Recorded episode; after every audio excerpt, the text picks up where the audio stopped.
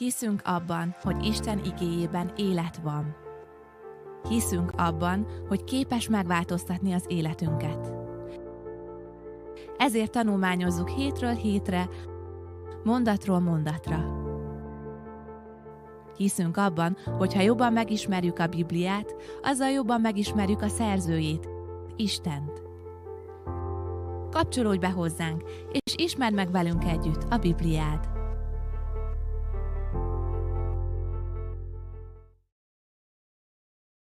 Szeretettel köszöntünk mindenkit. A mai történelmi pillanatban, amikor is véget ér az Ismer meg Bibliát sorozat, eljutottunk a célig, amit kitűztünk magunk elé, a jelenések könyvéig.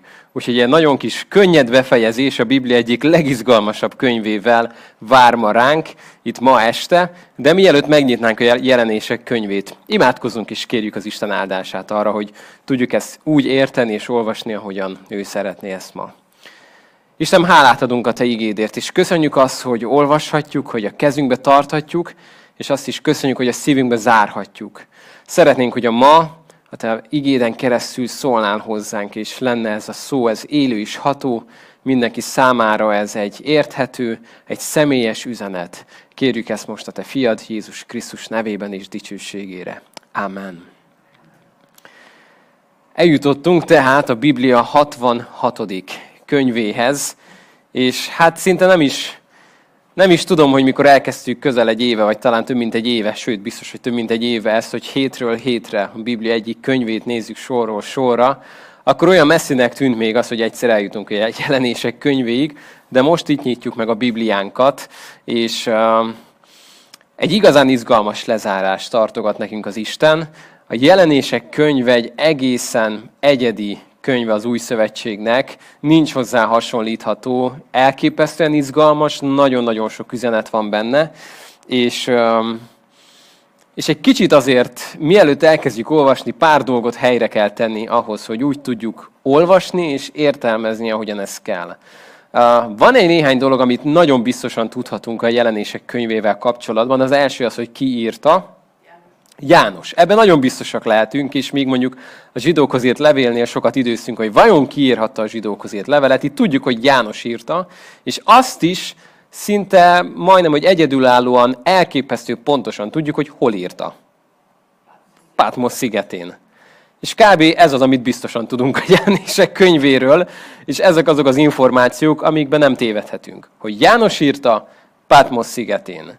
Az a János, akit most nem kell bemutatni, mert egy jó néhány könyvét ismerjük már az új szövetségben. Melyeket ismerjük? Az evangéliumot, amit írt János evangéliuma, és akkor János első, második és harmadik levele. És itt van a jelenések könyve, amelyet uh, olvasva azt tudjuk látni, hogy ő Patmos szigetén van, nem nyaralni ment oda, amúgy biztos egy gyönyörű hely lehet, hanem miért van ott?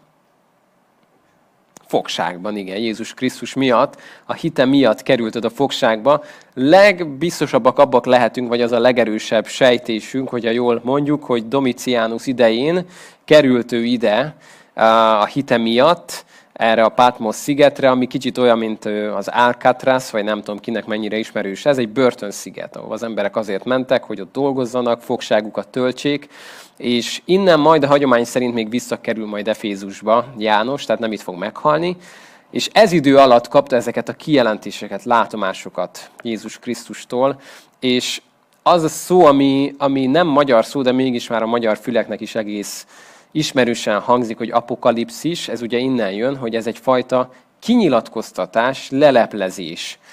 Um, legjobban úgy tudjuk visszadni ennek a szónak a jelentését, amikor egy, egy függönyt így, így kicsit meglebbentünk. És egy pillanatra, hogy mondjuk elhúzunk egy függönyt, egy, vagy egy nagyon erős kárpitot, és mondjuk belessünk valahova, mondjuk készül valahol egy menyegző, és meg akarjuk nézni, hogy hogy áll a terem, és kicsit úgy benézünk a függöny mögé egy pillanatra. És ahogy elengedjük, már visszamegy a függöny, és már csak éppen, hogy látunk valamit annak a fényéből, ragyogásából, valami ilyesmi a jelenések könyve.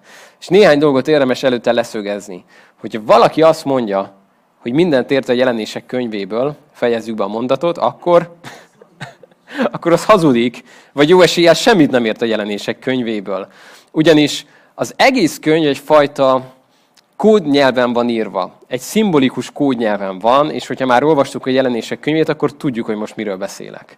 Ha elkezdjük olvasni, olyanokat olvasunk, hogy trombitaszók, szörnyetek, parázna a vadállaton, Babilon itt, Babilon ott, nagyon-nagyon sok minden van, kicsit ilyen képes beszédbe leírva, aminek több oka van.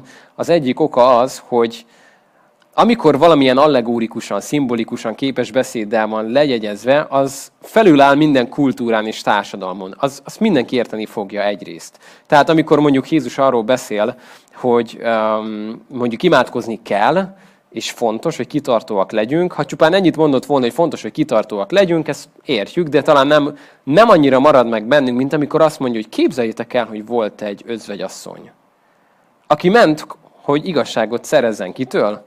Hamis bírótól. És ez a hamis bíró nem akart neki engedni, de mit csinált az özvegyasszony? Elképesztő kitartó volt. És még ez a hamis bíró is a kitartása miatt végül igazságot szolgáltatott. Tehát fontos, hogy imádkozatok is, ne fáradjatok bele. És amikor ez ott van a fejünkben, akkor tudjuk, hogy ó, igen, az özvegyasszony meg a hamis bíró. Jézus rengeteg ilyet használt, rengeteg ilyen szimbólumot, példázatot, hasonlatot, mert az ember ezt magával viszi, és ezt mélyen a szívébe zárja. És a jelenések könyve egyrészt így nagyon drámaian elképzelhető, minden, amit látunk benne. Másrészt ennek volt egy olyan talán oka is, hogy amikor Pátmos szigetéről valaki levelet küldött, akkor ez nem olyan egyszerűen történt akkor. Különösen, ha egy fogva tartott akart levelet küldeni. Ki volt az első, aki elolvast ezt a levelet? Az őrség, egy római katona volt. És hogy azt az első mondjuk elkezd olvasni, és ott van egy fejezet cím, hogy a római birodalom bukása. Megy a kukába, nem? Égessük, minek? Hát ilyet nem fogunk kiküldeni. De ha belolvasott egy római katona, akinek semmi köze nem volt a zsidósághoz, és Babilon, itt, Babilon ez, a napba öltözött asszony, meg micsoda, hát ez a János egyszerűen megőrült. Napsütés kapott, elment az eszem, mindegy, küldjétek nyugodtan, nincs ezzel baj. Na de amikor egy zsidó ember vette a kezébe, akkor számára ezek a kifejezések, ezek milyenek voltak? Nagyon érthetőek, ismerősek. És a jelenések könyvének egy nagyon nagy részét, közel egy harmadát tökéletesen tudjuk vizsgálni és érteni honnan, az Ószövetségből kiindulva. Nagyon sok hasonlóság, nagyon sok hasonló szimbólum. Mondjunk néhány Ószövetségi könyvet, ami segíthet nekünk ebbe. Dániel. Dániel könyve nagyon jó. Mi van még, ahol találunk ilyeneket? Ezékiel, nagyon jó. Mit? Zakariás, nagyon jó. Talán mondjuk ezt, és mondjuk még Jeremiás könyvénél is van néhány hasonló rész, hogyha nagyon jól szeretnénk érteni és, és értelmezni a jelenések könyvét, akkor nyissuk ki a jelenések könyvét, meg Dániel könyvét és az előbb említett könyveket mind, mert akkor fogjuk érteni, ami egy zsidó számára, aki jól ismerte például Dániel proféciáit, számára az, ahogy a János ír, az már nem idegen volt, hanem egy nagyon jól értelmezhető dolog volt. És még amit fontos a jelenések könyvével kapcsolatban leszögezni, hogy mondjuk úgy, hogy egy kód nyelven fogalmazták, de bánatunkra a kódfejtés az kicsit elveszett. Úgyhogy ma ahány ember néha annyiféleképpen magyaráz, hogy ez ezt jelenti, ez biztos, hogy ezt jelenti, ez nem jelenthet, már csak ezt jelentheti. Ezért jó, hogyha kicsit óvatosak vagyunk azzal, amit a jelenések nem mond ki, hogy mi mit jelent. Van, amikor elmondja, hogy ez a szimbólum pedig azt jelenti, hogy. Na, itt könnyű dolgunk van. De van, amikor nem mondja el. És ilyenkor nagyon bölcsen tesszük, ha használunk egy nagyon fontos mondatot a jelenések könyvével kapcsolatban, én úgy gondolom, hogy. Ezt jó lenne ma megtanulni sok keresztény vezetőnek. Én úgy gondolom, hogy ez itt azt jelenti, hogy. Hogyha ezt nem tesszük hozzá, akkor viszont nagy bajba kerülhetünk, ugyanis nagyon sokszor, amikor az egyház olvasta a jelenések könyvét, nagyon könnyű belelátni mindig azt, ami éppen velünk történik. Amikor mondjuk a, az egyház átélte az iszlámnak a térhódítását legelőször, és az arab félszigetről kiindulva egy óriási hódításba kezdett az iszlám, egész Észak-Afrikát bekebelezte, akkor az ott élő keresztények egyértelműen azt mondták, hogy ez nem lehet más, mint ez egyértelműen az Antikrisztus. És itt a világ vége, mert tagadja, hogy Jézus az Isten fia, tagadja, hogy Jézus meghalt értünk, és amerre csak megy, öli a keresztényeket, ez egyértelműen, ez csak ez lehet. Aztán azóta eltelt 1400 év is. Most már azt látjuk, hogy azért az nem biztos, hogy az az volt. Amikor mondjuk a keresztények átélték a második világháborúban, és látták azt a holokausztot, amit azt körülnéztek, és azt látták, hogy, hogy százezer számra, millió számra viszik el a zsidókat, és ölik meg, akkor mit mondtak a keresztények nagyon sokan? Ez nem lehet más, mint egyértelműen most történik az, ami itt meg itt meg van írva, és aztán véget ért a világháború, szörnyű dolgok történtek, de még nem lett vége a világnak. És nem pont az történt, amire ők akkor számítottak. Ezt csak azért mondom, hogy az ember hajlamos néha belelátni dolgokat, amiket nem biztos, hogy mindig bele kell látni. És egy fontos utolsó üzenet a jelenések könyvével kapcsolatban, hogy megspórolhatunk magunknak sok fájdalmat, és sok, uh, nem is tudom, maradjunk a fájdalom szónál, hogyha tisztában vagyunk azzal, hogy nagyon sok résznek volt egy üzenete akkor és ott, és van egy üzenete most és itt. Mire gondolok? Amikor mondjuk olvassuk majd Jézusnak a leveleit, például Jézus levele a mit tudom én, filadelfiai gyülekezethez, akkor az elsősorban kiknek szólt? A filadelfiai gyülekezetnek. Írd meg ennek a gyülekezetnek, hogy. Csak nekik szól? Nekünk szól? Kaptunk belőle üzenetet? Hát hogy ne kapnánk belőle üzenetet? Tehát volt egy üzenete akkor és ott, egy nagyon konkrét üzenete annak a gyülekezetnek, de ezen túl még van egy üzenetem a nekünk is, sőt, sokan nagyon sokféleképpen az egyházak különböző korszakait húzzák rá az adott, leve, az adott, gyülekezeti levelekre, tehát nagyon sokféleképpen lehet értelmezni, de az biztos, hogy volt egy üzenete akkor és ott, és azt ők helyesen olvasták, és ezért a jelenéseknek a következő szakaszai, amik a trombita szó, és a jaj, és, és hogy mik történnek, különbözőféleképpen vannak értelmezve. Most mi nem fogunk itt egy állást foglalni, melyik az egyetlen helyes és üdvözít, amit mi gondolunk, csak kell, hogy lássuk tisztán, hogy vannak, akik azt gondolják, és úgy értelmezik, hogy amikor le vannak írva, azoknak szinte a teljes egésze az az akkor élő keresztényeknek iratott, és amik ott le vannak írva, az mind a római birodalomról szól szinte. Kivéve az utolsó részek, amikor Jézusnak a visszajövetele, ezer éves királyság, de minden, amit ott olvasunk, az a római birodalom. És belelátnak minden szimbólumba, hogy például ez a Vezúvnak a kitörése volt, ez, ez, meg ez, meg ez, meg ez. Vannak, akik így értelmezik. Vannak, akik azt mondják, hogy ennek semmi köze a római birodalomhoz, hanem ez még mind, amit le van írva, az majd ezután történik meg, és semmi nem történt meg még ezek közül. Na vannak, akik azt mondják, hogy ezeknek egy része már megtörtént, egy része még most történik. Ezt csak azért mondom, hogy látjuk, hogy nem annyira egyszerű értelmezni a jelenések könyvét. Sőt, kifejezetten nehéz. De még mielőtt elkezdenénk olvasni, a jelenések könyvének van egy nagyon-nagyon fontos üzenete.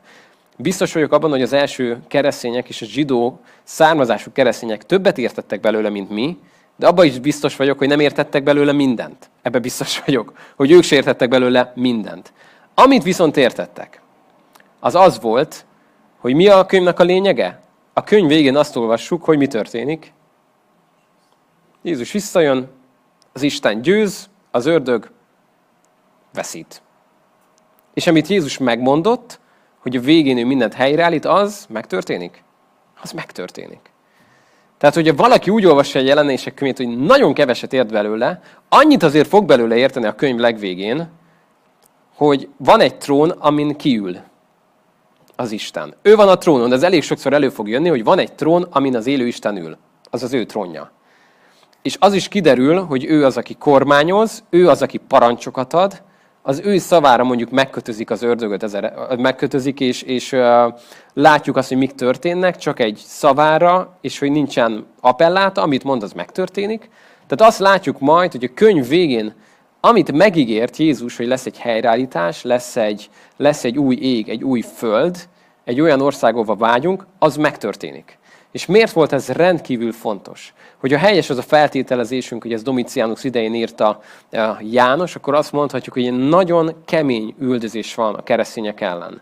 Különösen Kis-Ázsiában, ami érdekes, hogy ez a hét gyülekezet, ugye ez a kis-ázsiai hét gyülekezet, ők azok voltak, akik szenvedtek ettől a keresztény üldözéstől, és talán ez magyarázza, hogy miért nem olvasunk levelet a római gyülekezetnek, miért nem olvasunk levelet a jeruzsálemi gyülekezetnek, miért nem olvasunk levelet a többi nagymúlt antiókiai gyülekezetnek, hanem erre koncentrál most Jézus, erre a hét gyülekezetre, ahol annyira erőteljes volt Domitianusnak a kultusza, például Efézusban egy óriási templomot építetett azért, hogy őt ott imádják. És a keresztények erre azt mondták, hogy na nem, mi nem fogjuk imádni, és erre nemet mondtak, és egy nagyon kemény üldözés vette kezdetét.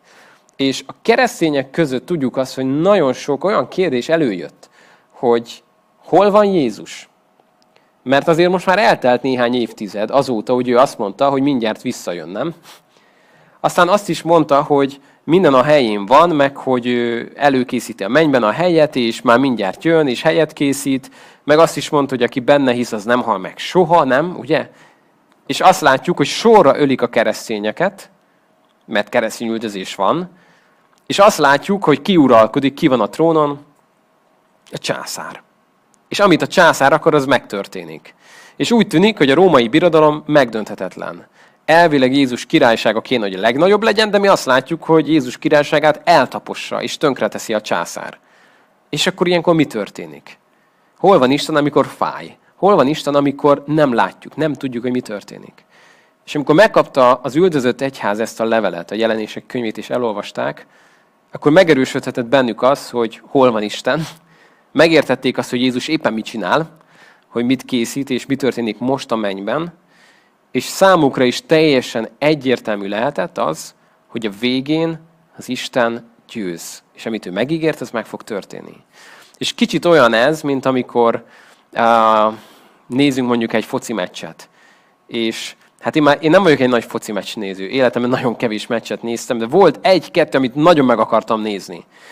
És elkövettem azt a hibát, hogy lekéstem a meccset, de meg akartam nézni, és uh, mire oda jutottam, hogy végre út, megnézzem a, a korábban rögzített meccset, addigra már valakitől hallottam a végeredményt. És úgy ültem le nézni a meccset, hogy jaj, de jó, várom, végre megnézem a várva várt meccset, de úgy is tudom, hogy mi fog történni. És tegyük fel, hogy tudtam a barátomtól mondjuk 3-0-ra nyer az egyik csapat, mondjuk az A csapat, és a 85. percben vagyunk, és még mindig 0-0. És az A csapat borzasztóan játszik. És mindig úgy néz ki, hogy a B csapat fog gólt rugni. De én ott ülök, és tudom azt, hogy hát, izgalmas a meccs. De úgyis az A csapat fog mindjárt három gólt rugni, mert tudom, hogy mi a vége. És nem tudom, már nagyon kevés idő van hátra, 5 perc, vagy még talán hosszabbítás, de ez idő alatt nem történhet más, mint hogy három gólt rúg az A csapat. Mert előre tudom, hogy mi a vége. És valamilyen a jelenések könyve a hívő ember számára, hogy néha nem látjuk, hogy mi történik, és néha a 89. percben még mindig 0-0, de tudjuk azt, hogy mi a vége.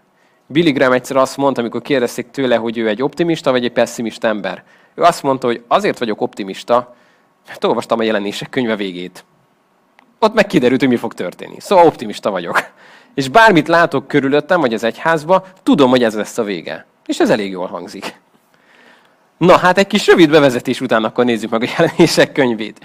És hát most aztán biztos nem fogjuk versről versre olvasni, mert nagyon hosszú lenne, hanem próbálunk egy kicsit szemezgetni, és hogy egy kicsit jobban megértsük ezt a könyvet, amikor otthon majd elővesszük. Első mondat így kezdődik. Jézus Krisztus kijelentése. Ezt néha úgy szoktuk mondani, hogy János apostol kijelentései, de az ki igazából? Ez Jézus Krisztusnak a kijelentése, melyet Isten adott neki, hogy megmutassa szolgáinak, minek kell hamarosan megtörténnie. Nem fogunk ilyen lassan haladni, megígérem, de itt egy érdekes dolog. Azt mondja, hogy hamarosan. És a, a könyv végén is mondja, hogy amiknek hamarosan meg kell történniük. Na most konkretizálhatná Isten, hogy mi az, hogy hamarosan, nem? De érdekes, hogy az a szó, amit itt használ, az az új szövetségben két különböző jelentésben jelenik meg, és a kettő együtt rakja össze ennek a szónak a jelentését. Olyan helyeken találjuk ezt a szót, amikor mondjuk azzal megírva, hogy siess, gyorsan gyere. Azonnal menj ki innen, amikor mondja Isten Pálnak, hogy menj ki innen, távozz Jeruzsálemből, siess. Szóval ennek a szónak van egy jelentése, ami a, a, a sietés. Azt jelenti, hogy gyorsan történnie kell valaminek, és azt is jelenti, ami, amit itt olvasunk, ahogy a magyar mondja, hogy hamarosan, tehát, hogy még nem most, de valamikor, még nem tudjuk mikor, valami el fog kezdődni. És a szónak a teljes jelentését úgy tudjuk összerakni, hogy egy olyan cselekmény, ami még most nem kezdődik el, de amikor elkezdődik, akkor viszont milyen lesz? Nagyon gyors. Ez a szónak a jelentése. Olyan dolgokról ír ez a könyv, amik még most nem, írja itt János a legelején, de amikor elkezdődnek, akkor viszont nagyon gyorsan fognak végbe menni. És hamarosan, még nem most, de amikor elkezdődik, akkor gyorsan meg fognak ezek történni. Ő pedig angyala által elküldte azt is, megjelentette szolgájának Jánosnak, aki bizonyságot tett Isten beszédéről, és Jézus Krisztus bizonyság tételéről, mindenről, amit látott. Na most itt egy ígéret nekünk ma este, boldog, aki felolvassa, és boldogok, akik hallgatják e profétai beszédet, és megtartják azt, ami abban megvan írva, mert az idő közel van. János az Ázsiában levő hét gyülekezetnek. Kegyelem nektek, békesség attól, aki van, aki volt, és aki eljövendő, és a hét lélektől, aki a trónja előtt vannak. És Jézus Krisztustól, aki hűtanú bizonyság, szülött a halottak közül, és a föld királyának fejedelme, aki szeret minket, és vér által megszabadított bűneinktől, királyságává tett minket is az ő Istenének, atyának papjaivá. Övé a dicsőség és a hatalom mindörökkön örökké. Ámen. Íme eljön a felhőkkel, és minden szem meglátja őt, még azok is, akik átszegezték.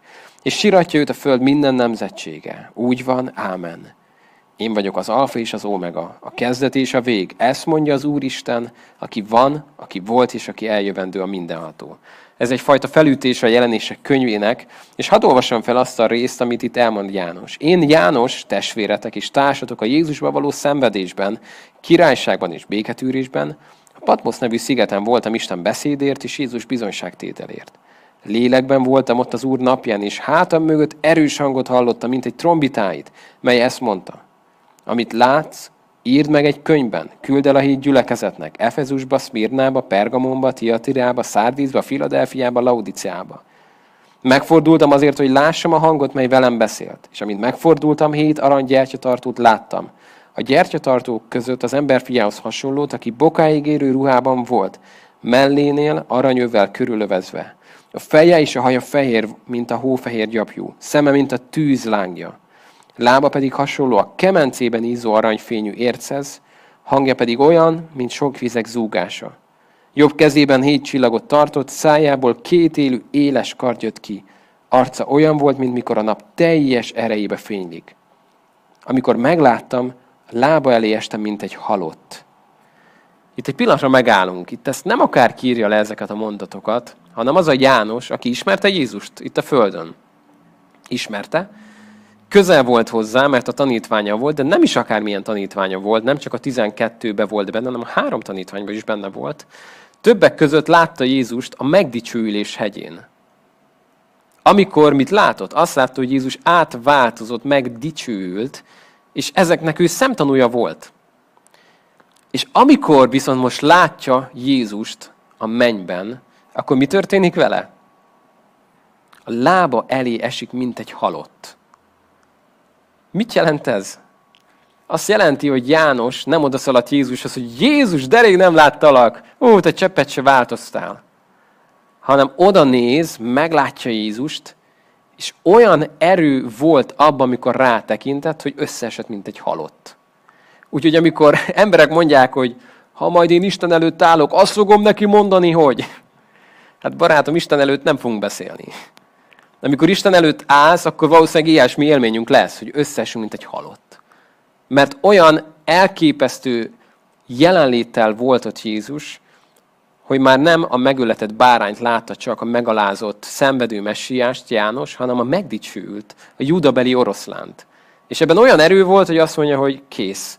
Láttam sok mindent a megdicsülés hegyétől, de mikor itt megláttam Jézus kész, összeste, mint egy halott. És ezt olvassuk, ő pedig rám tette jobb kezét, és így szólt, ne félj, én vagyok az első és az utolsó, és az élő. Pedig halott voltam, és íme élek örökkön örökké, és nálam vannak a halál és pokol kulcsai.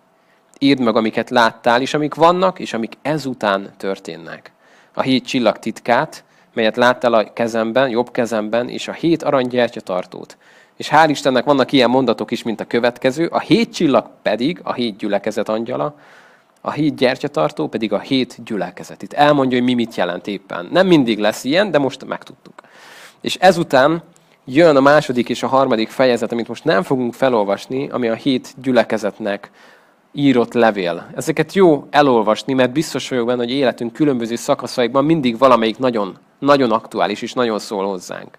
És van, ami különösen közel áll hozzánk, Emlékszek, nem olyan régen ezeket áttanulmányoztuk mind a hetet, most ezt nem fogjuk, de, de nagyon erőteljes üzenetek vannak benne arról, amit Jézus mond a gyülekezeteknek, hogy én tudok a te dolgaidról. Tehát azt mondja nekik Jézus, hogy én mindent tudok rólatok. Valamit gondoltok magatokról, pedig lehet, hogy pont az ellenkezője az igaz. valamit mondtok magatokról, mondjuk, vagy valamilyennek látjátok magatokat, például gazdagnak, pedig mi, mi az igazság? Hogy szegény vagy és nyomorult. Vagy azt mondja Jézus, hogy kevés az erőd, mert sok nehézségben vagy, mégis én azt látom, hogy, és aztán megdicséri a gyülekezetet. Amit itt látunk ezekből a levelekből, hogy Jézus lát valamit a gyülekezetekről, és azt akarja, hogy a gyülekezetek is így lássák magukat. És ez igaz a saját életünkre is, hogy néha mi látunk valamit magunkról, és az az Isten, aki pedig megszólít minket, azt mondja, hogy én tudok a te cselekedeteidről. Mindent tudok rólad. Még azt is, amit te nem tudsz magadról. És azt akarom, hogy úgy lásd magad, ahogyan én látlak téged. Mert néha ez a kettő nagyon, nagyon más. Látjuk magunkat valahogy, és az Isten meg lát minket egy egészen más módon.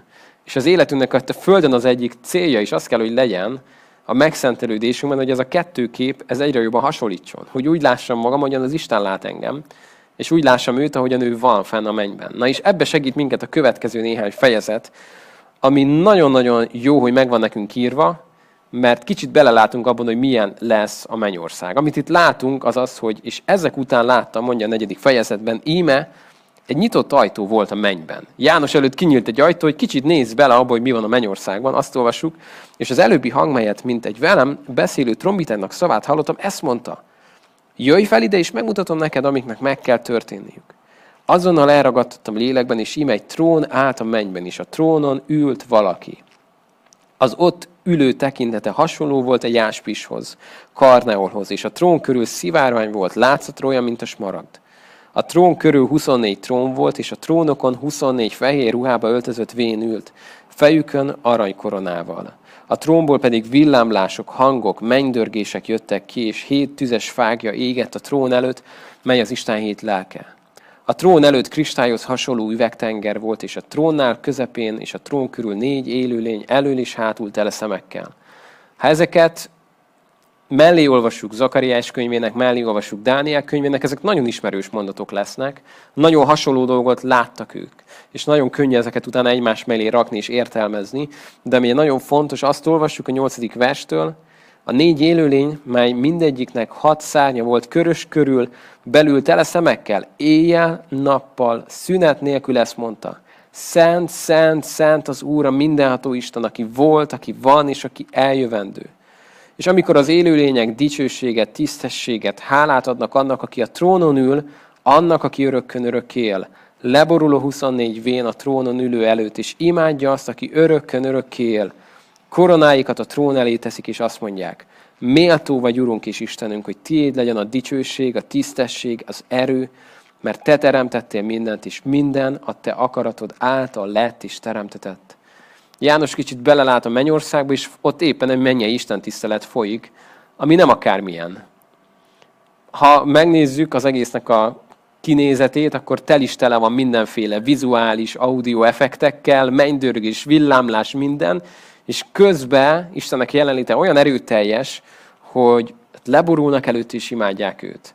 Én gyerekként, mikor ezt olvastam, mindig arra gondoltam, hogy hát ez borzal, hogy lett ilyen unalmas leírás, hogy éjjel és nappal, szünet nélkül. Hát elmondom háromszor, de negyedszerre már unalmas lesz. Hát hogy lehet ezt elképzelni? És az ember kacag ezen, amíg, amíg nem éli át azt, hogy Isten mondjuk meglátogatja, akár otthon, a csendességedben, vagy csak imádod az Istent, és úgy betölt Istennek a jelenléte, és azt érzed, hogy hát ez fantasztikus, és soha nem kellene abba hagyni, na hát ez egy morzsája annak, ami vár ránk a mennyországnak a dicsőségében. Több olyan történetet hallottam már, akár itt Pécerről is mesélte valaki, egy idős testvérnünk, hogy amikor valaki átélt egy halálközeli élményt, és utána magához tért, akkor elmesélte valaki, hogy az édesanyja véghetetlenül mérges volt, hogy miért keltem fel, miért hoztatok vissza, annyira csodálatos volt az, amiben csak belepillantottam egy másodpercre. És amit ott látott, az, az azt mondja, nem tudom leírni szavakkal. Valami egészen elképesztő volt. Talán ezért mondja Pálapostól is, amikor belepillantott ezekbe a dolgokba, hogy vívódik azon, hogy folytassa el azt az eredményes munkát itt a testben, vagy pedig menjek fel az Úrhoz, mert az Úrral lenni sokkal jobb mindennél. Azért az nem kis dolog, amikor azt mondja pár, hogy sokkal jobb mindennél. Úgyhogy ha volt az életedben valami fantasztikusan boldog és tökéletes pillanat, azt mondja pár, hogy sokkal jobb lesz az Úrral lenni.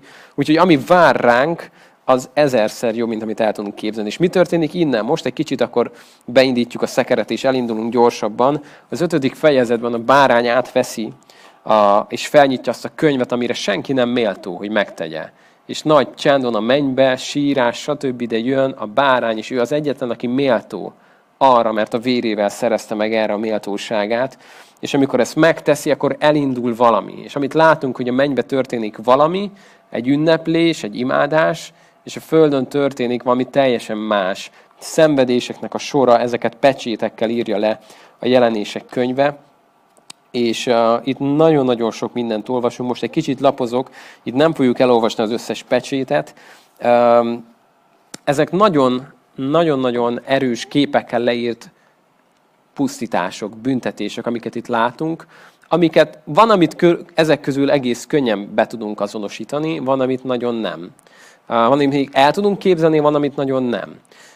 Ami viszont számomra nagyon érdekes, hogy nem vagyok még száz éves, de emlékszek arra, hogy mikor mondjuk tíz éves koromban olvasgattam ezeket a mondatokat, csak úgy kíváncsiságból, vagy este, mikor nem engedték, hogy én is felnőtteknek való filmet nézzek, akkor azt mondtam, hogy na, adok én nektek, majd olvasok jelenések könyvét a szobámba. És amikor beleolvastam ezekbe a mondatokba, akkor el nem tudtam képzelni, hogy ezek valaha megtörténnek. Hogy mi lesz a vízzel, meg hogy a föld megég, meg stb. Most pedig nem telt el azóta túl sok év, körülnézünk a világba. Olvassuk a híreket, nem? Ne engedjük meg a medencét, nincs víz. Ne csináljuk ezt, jön a felmelegedés. És érezzük azt, hogy egyre mindig minden melegebb, nincsen hó, stb. Egy olyan élethelyzetben vagyunk, hogy ezeket olvassa az ember azt mondja, hogy bármikor el tudom képzelni, hogy ezek pár éven belül megtörténnek. És egy az egyben, amiket itt olvasunk, olyan természeti csapásoktól kezdve, olyan leírások, amik, amik lehet, hogy mondjuk egy 3-4-500 éve elképzelhetetlen lett volna, most egy olyan korban élünk, hogy azt mondhatnánk, hogy ezek bármikor megtörténhetnek. És nem tudjuk még, hogy ezek mi és, és mikor és hogy. Említettem, hogy nagyon sokféle értelmezése van itt ezeknek az igéknek, de menjünk egy kicsit tovább is. A, a pecsétek után jönnek a trombita szavak, amik ugyanígy nagyon erőteljes pusztítások, csapások, nagyon-nagyon-nagyon gazdag szókincsekkel leírva, hogy ezek hogy fognak kinézni. Itt visszaköszönnek az ószövetségi proféciáknak is a, a kifejezései, és eljutunk egészen a 12. fejezethez, a napba öltözött asszony, a tengerből feljövő hétfejű tízszarvú vadállat. Ezek azok az igék, amiket ha az ember soha nem olvasott Ószövetséget, és elkezdi ezt olvasni, nagyon nehezen fogja értelmezni. De hogyha kicsit megbarátkozik mondjuk Dánielnek a kifejezéseivel, és azzal, hogy mit jelentenek a szarvak ezeken a vadállatokon, hogyan írja le akár a birodalmakat, és megnézzük Dánielnél a görög, perzsa, stb., akkor ezek sokkal inkább értelmezhető kifejezések lesznek, én most nem szeretnék itt állást foglalni, mert itt sokan ezt megteszik, hogy itt ez melyik birodalom, és ez hogy néz ki, és hogy kerül ide be az Unió, meg Oroszország, meg Amerika, stb. Nagyon könnyű lenne ezeket úgy értelmezni, ahogy mi most látjuk a világot. Mert nagyon könnyű lenne ráhúzni arra, hogy hát ez most egyértelmű, hogy ez ez az ország, ez meg ez az ország, és hogyha, és lehet, hogy igazunk is lenne. És mindenkinek a joga, hogy ezeket úgy értelmezze most, ahogy, ahogy akarja vagy gondolja, de meghagyom Istennek azt a szabadságot, hogy ha bármi már azt érezzük, hogy egy-két éven belül itt tényleg világvége van, de még lehet, hogy telni fog akár több száz év, és akkor meg azt mondják majd több száz év múlva, hogy hát, amire mi gondoltunk mondjuk az Unióra, vagy nem tudom, az már 200 éve nem létezik. Akkor kicsit mellé nyúltunk, úgyhogy most nem fogjuk ezeket beazonosítani egyesével, hogy melyik micsoda éppen. Amit viszont látni fogunk a következő fejezetekből, az az, hogy ami történik, az angyalok mindig kiirdetnek valamit, és a Földön történik valami. Tehát azt látjuk, hogy az irányítás mindig hol van, mindig az Isten kezébe van. Tehát bármi történt a Földön, akár csapás, katasztrófa, az nem csak, hogy nem Isten tudta nélkül történt, hanem egyenesen az Isten től rendelve történt meg valamit a Földön. És ez egy fontos dolog, hogy míg azt gondolnánk, hogy vajon Isten figyel-e arra, ami történik itt körülöttünk a Földön, és van egy ilyen elképzelés, ez a deizmus, amikor azt mondják, hogy Isten megalkotta a világot, mert ő az alkotó, ő a teremtő, ezt elfogadják, de aztán mit csinált? Ott magára hagyta ezt az egész rendszert, és azóta őt nem érdekli. És nem foglalkozik azzal, hogy mi történik itt, és, és történnek a szörnyű dolgok, és kiáltunk, hogy Istenem, nem figyelsz, miért nem látod ezeket, ő meg nem figyel. Ezzel ellentétben azt látjuk a jelenések könyvében, hogy minden, ami történik, az a mennyországból nézve egész más perspektívában látszik, hogy történik. És utána annak a kivetülését látjuk itt a Földön. Jönnek a haragnak a poharai, a nagy parázna a fenevadon, és itt megint fontos azt látni, hogy például a 18. fejezet Babilon bukása. Na Babilonnak van egy néhány jelentése a Bibliába. Először is mi a legegyszerűbb jelentése Babilonnak? Babilon.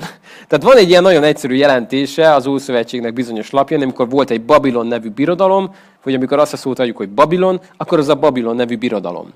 Aztán említettük már, hogy a, az első gyülekezetek számára Babilon az mire is volt egy fedőnév? Rómára. Egy nagyon erőteljes utalás volt. Babilon a római birodalom. De aztán látjuk azt, hogy ennek van egy tágabb kifejezése is, akár az Ószövetségben is már, de akár itt is, amikor már nem úgy érezzük, hogy a római birodalom, hanem mit próbál összefoglalni?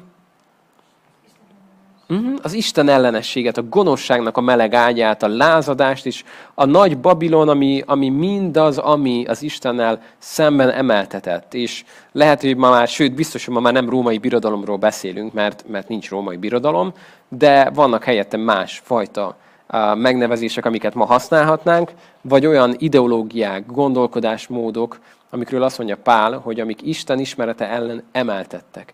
És itt, amit látni fogunk, a 18. fejezet, hogy mi történik a Babilonnal, elbukik. Mert ez a fejezet címe, hogy Babilon bukása.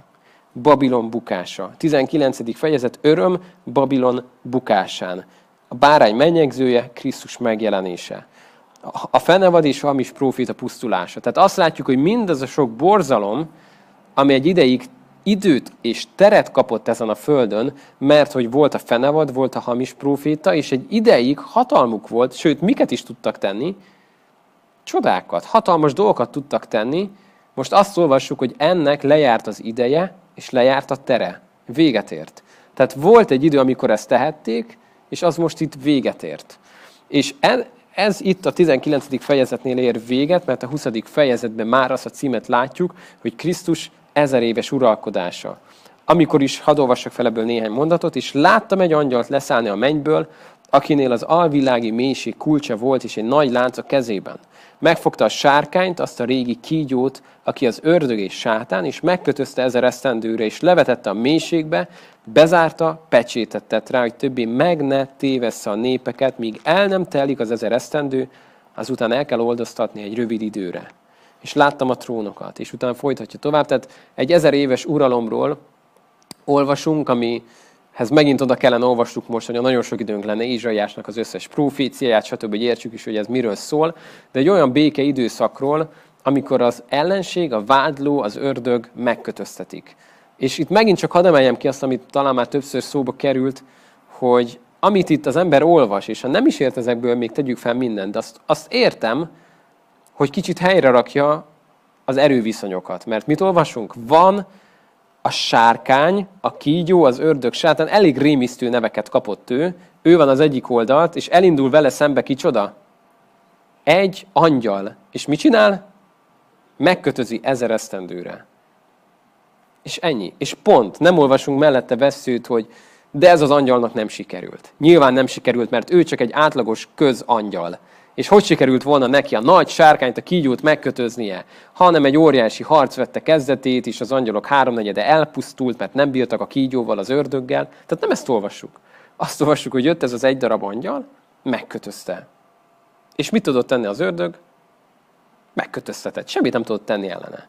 Tehát ez csak egy kicsit helyre rakja az emberben azt, amikor látja azt, hogy nem érti, hogy éppen mi történik körülöttünk a világban, és néhányan olyan nagy, nem is tudom, hogy mondjam, szerepet és olyan nagy fennhatóságot tulajdonítanak az ördögnek, hogy hát szinte már mindent megtehet, és mindent tönkretesz, és mi tehetetlenek vagyunk ellene. És itt a jelenések könyve egy kicsit helyre teszi azt, hogy ez nem így néz ki.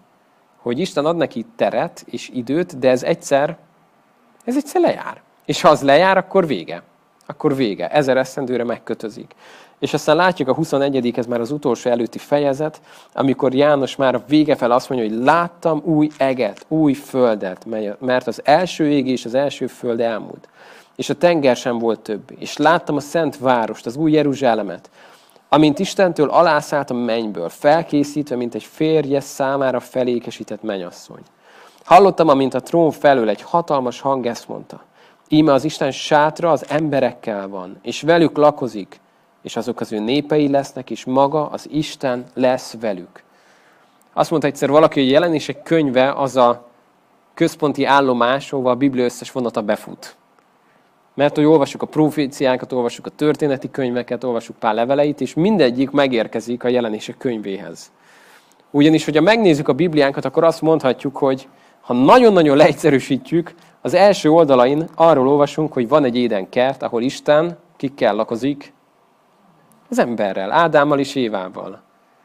A Bibliánk legvégén azt olvassuk, hogy van egy új ég és új föld, ahol Isten kikkel lakozik?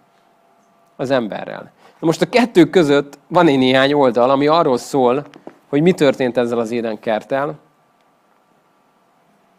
Az ember lázadása bűne miatt oda lett. Ez a kapcsolat az Istennel. Ez a közösség az Istennel oda lett.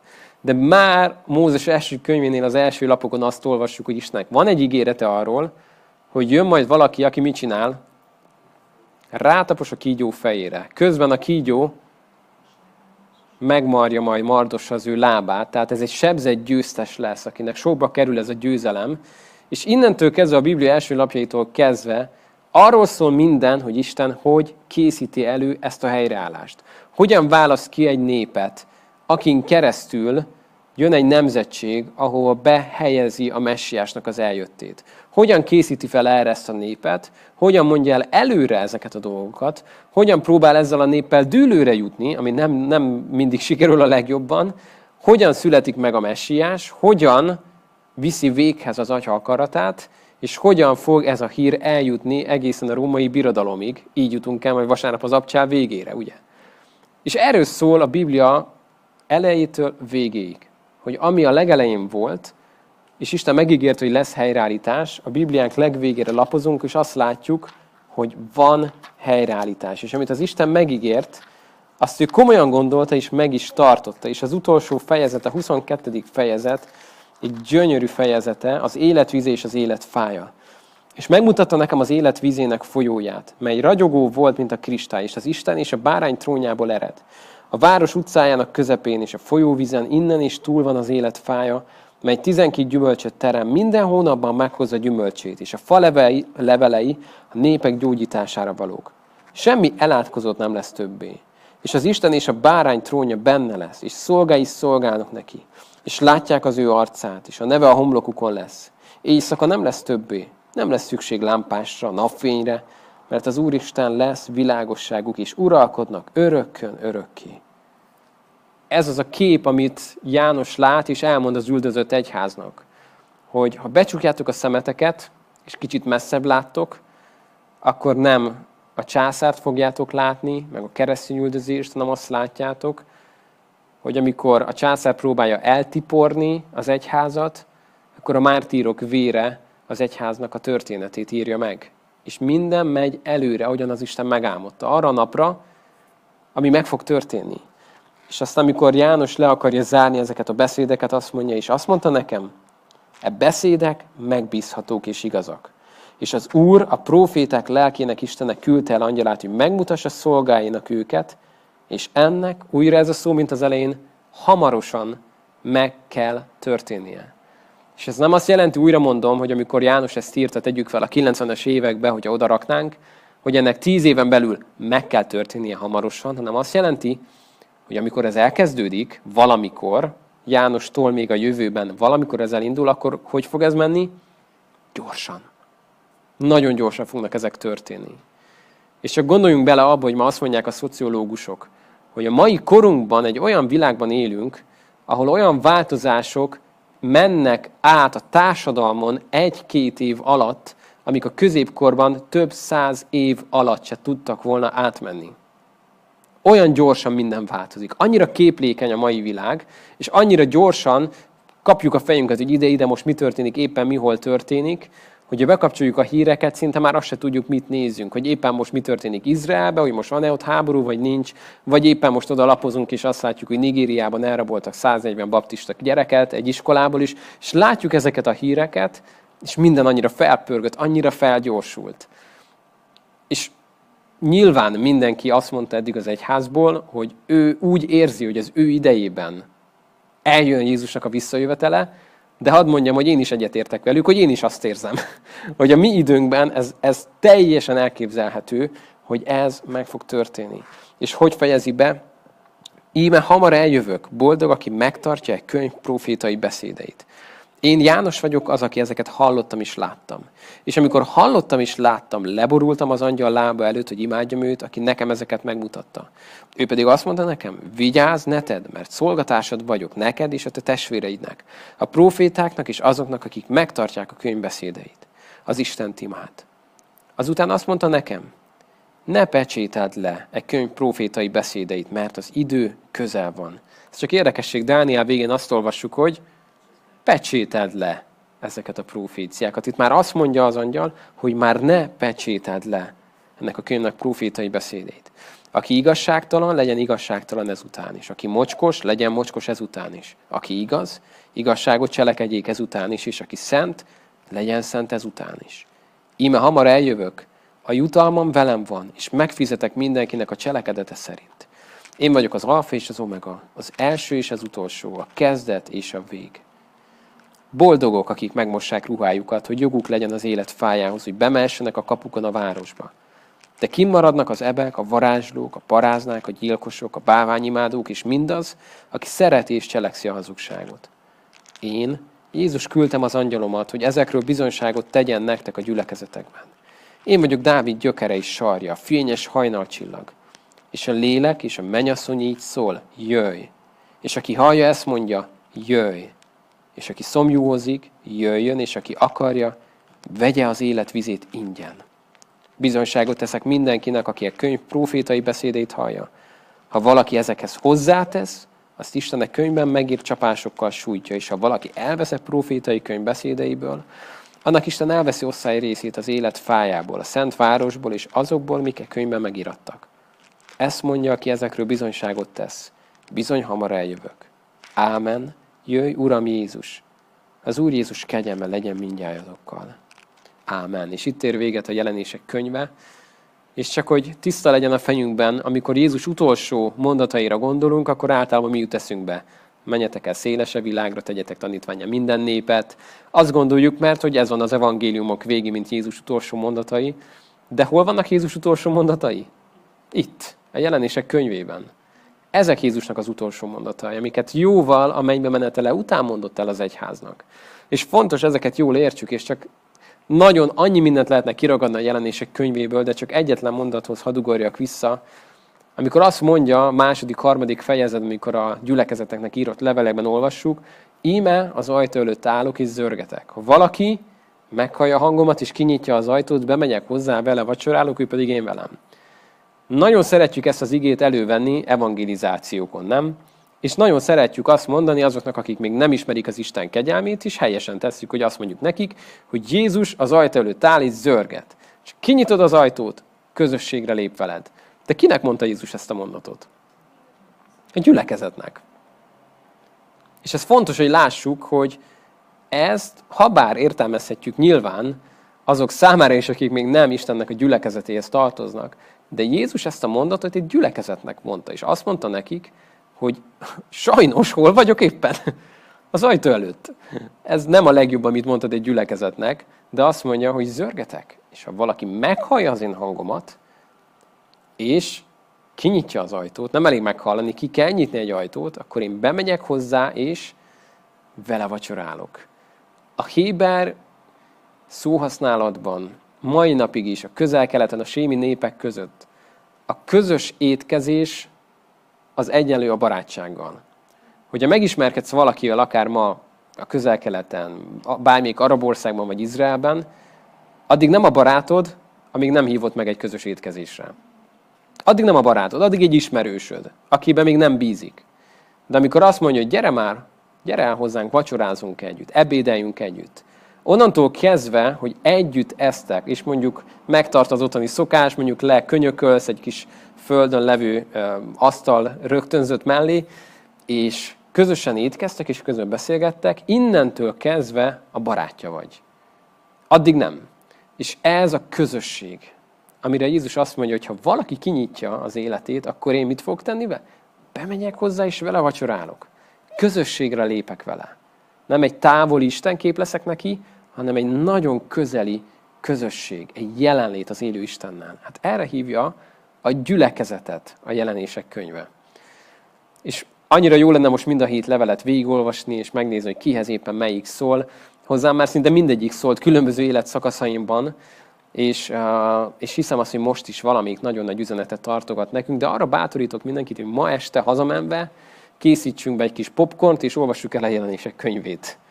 Nagyon izgalmas, és nagyon-nagyon érdekes ezt mondatról mondatról olvasni, és az igazán lelkesek, akik nagyon jól akarják érteni, őket arra bátorítom, hogy egy olyan Bibliát vegyenek elő, ahol vannak lábjegyzetek. És minden egyes helyen, ahol oda van írva, hogy Dániel 7.2, például csak mondtam valamit, vagy Jeremiás 30, vagy bármi, azt keressük ki. Olvassuk el, mert az nem azért van odaírva, hogy foglalja helyet a Bibliában, hanem azért, mert azt mondja, hogy ezt a mondatot, ezt nem tudjuk nem összekötni ezzel a mondattal az Ószövetségbe. Szóval olvasd el ezt a mondatot, hogy értsd ezt a mondatot. Úgyhogy ha ezt valaki bevállalja, akkor azt tudom mondani, hogy nem fog mindent érteni a jelenésekből, de sokkal többet fog érteni, mintha ezt nem csinálná meg. Úgyhogy ez egy jó tanács akár ma estére.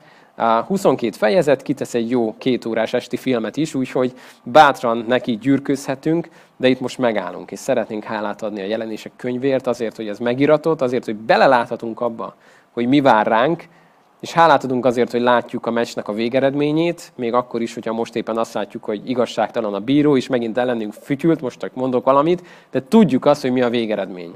Tudjuk azt, hogy mi a végeredmény. Hogy Jézusnak a csapata az győz, méghozzá nem, nem éppen, hogy, hanem elsőprő győzelmet arat. És ezért most hálát adunk. Isten, köszönöm a Te ígédet is. Nagyon hálás vagyok azért, hogy olvashatjuk a jelenések könyvét is. Annyira hálás vagyok, hogy úgy láthatunk téged rajta keresztül, ahogyan, ahogyan talán eddig még nem. És olyan dicsőségesnek, hatalmasnak, ahogyan, ahogyan sehol máshol. És köszönjük, hogy ez a valóság. Köszönjük, hogy, hogy ez vár ránk, hogy ez az a vége, amit te tartogatsz. Köszönöm, hogy te mindent megteszel azért, hogy ez megtörténjen, és semmi nem változtathatja ezt meg. Köszönöm, hogy ezeket előre megmondtad, és köszönöm, hogy nagyon sok mindennek a tanúi lehetünk, ahogy a szemünk előtt teljesednek be. Szeretnénk, Uram, hűségesek lenni, szeretnénk készen várni téged, hogy amikor eljössz, akkor, akkor munkába találj minket. És úgy mehessünk oda hozzád, mint akik várják és sietetik a te eljöveteledet. Ezt kérjük Jézus nevében. Amen.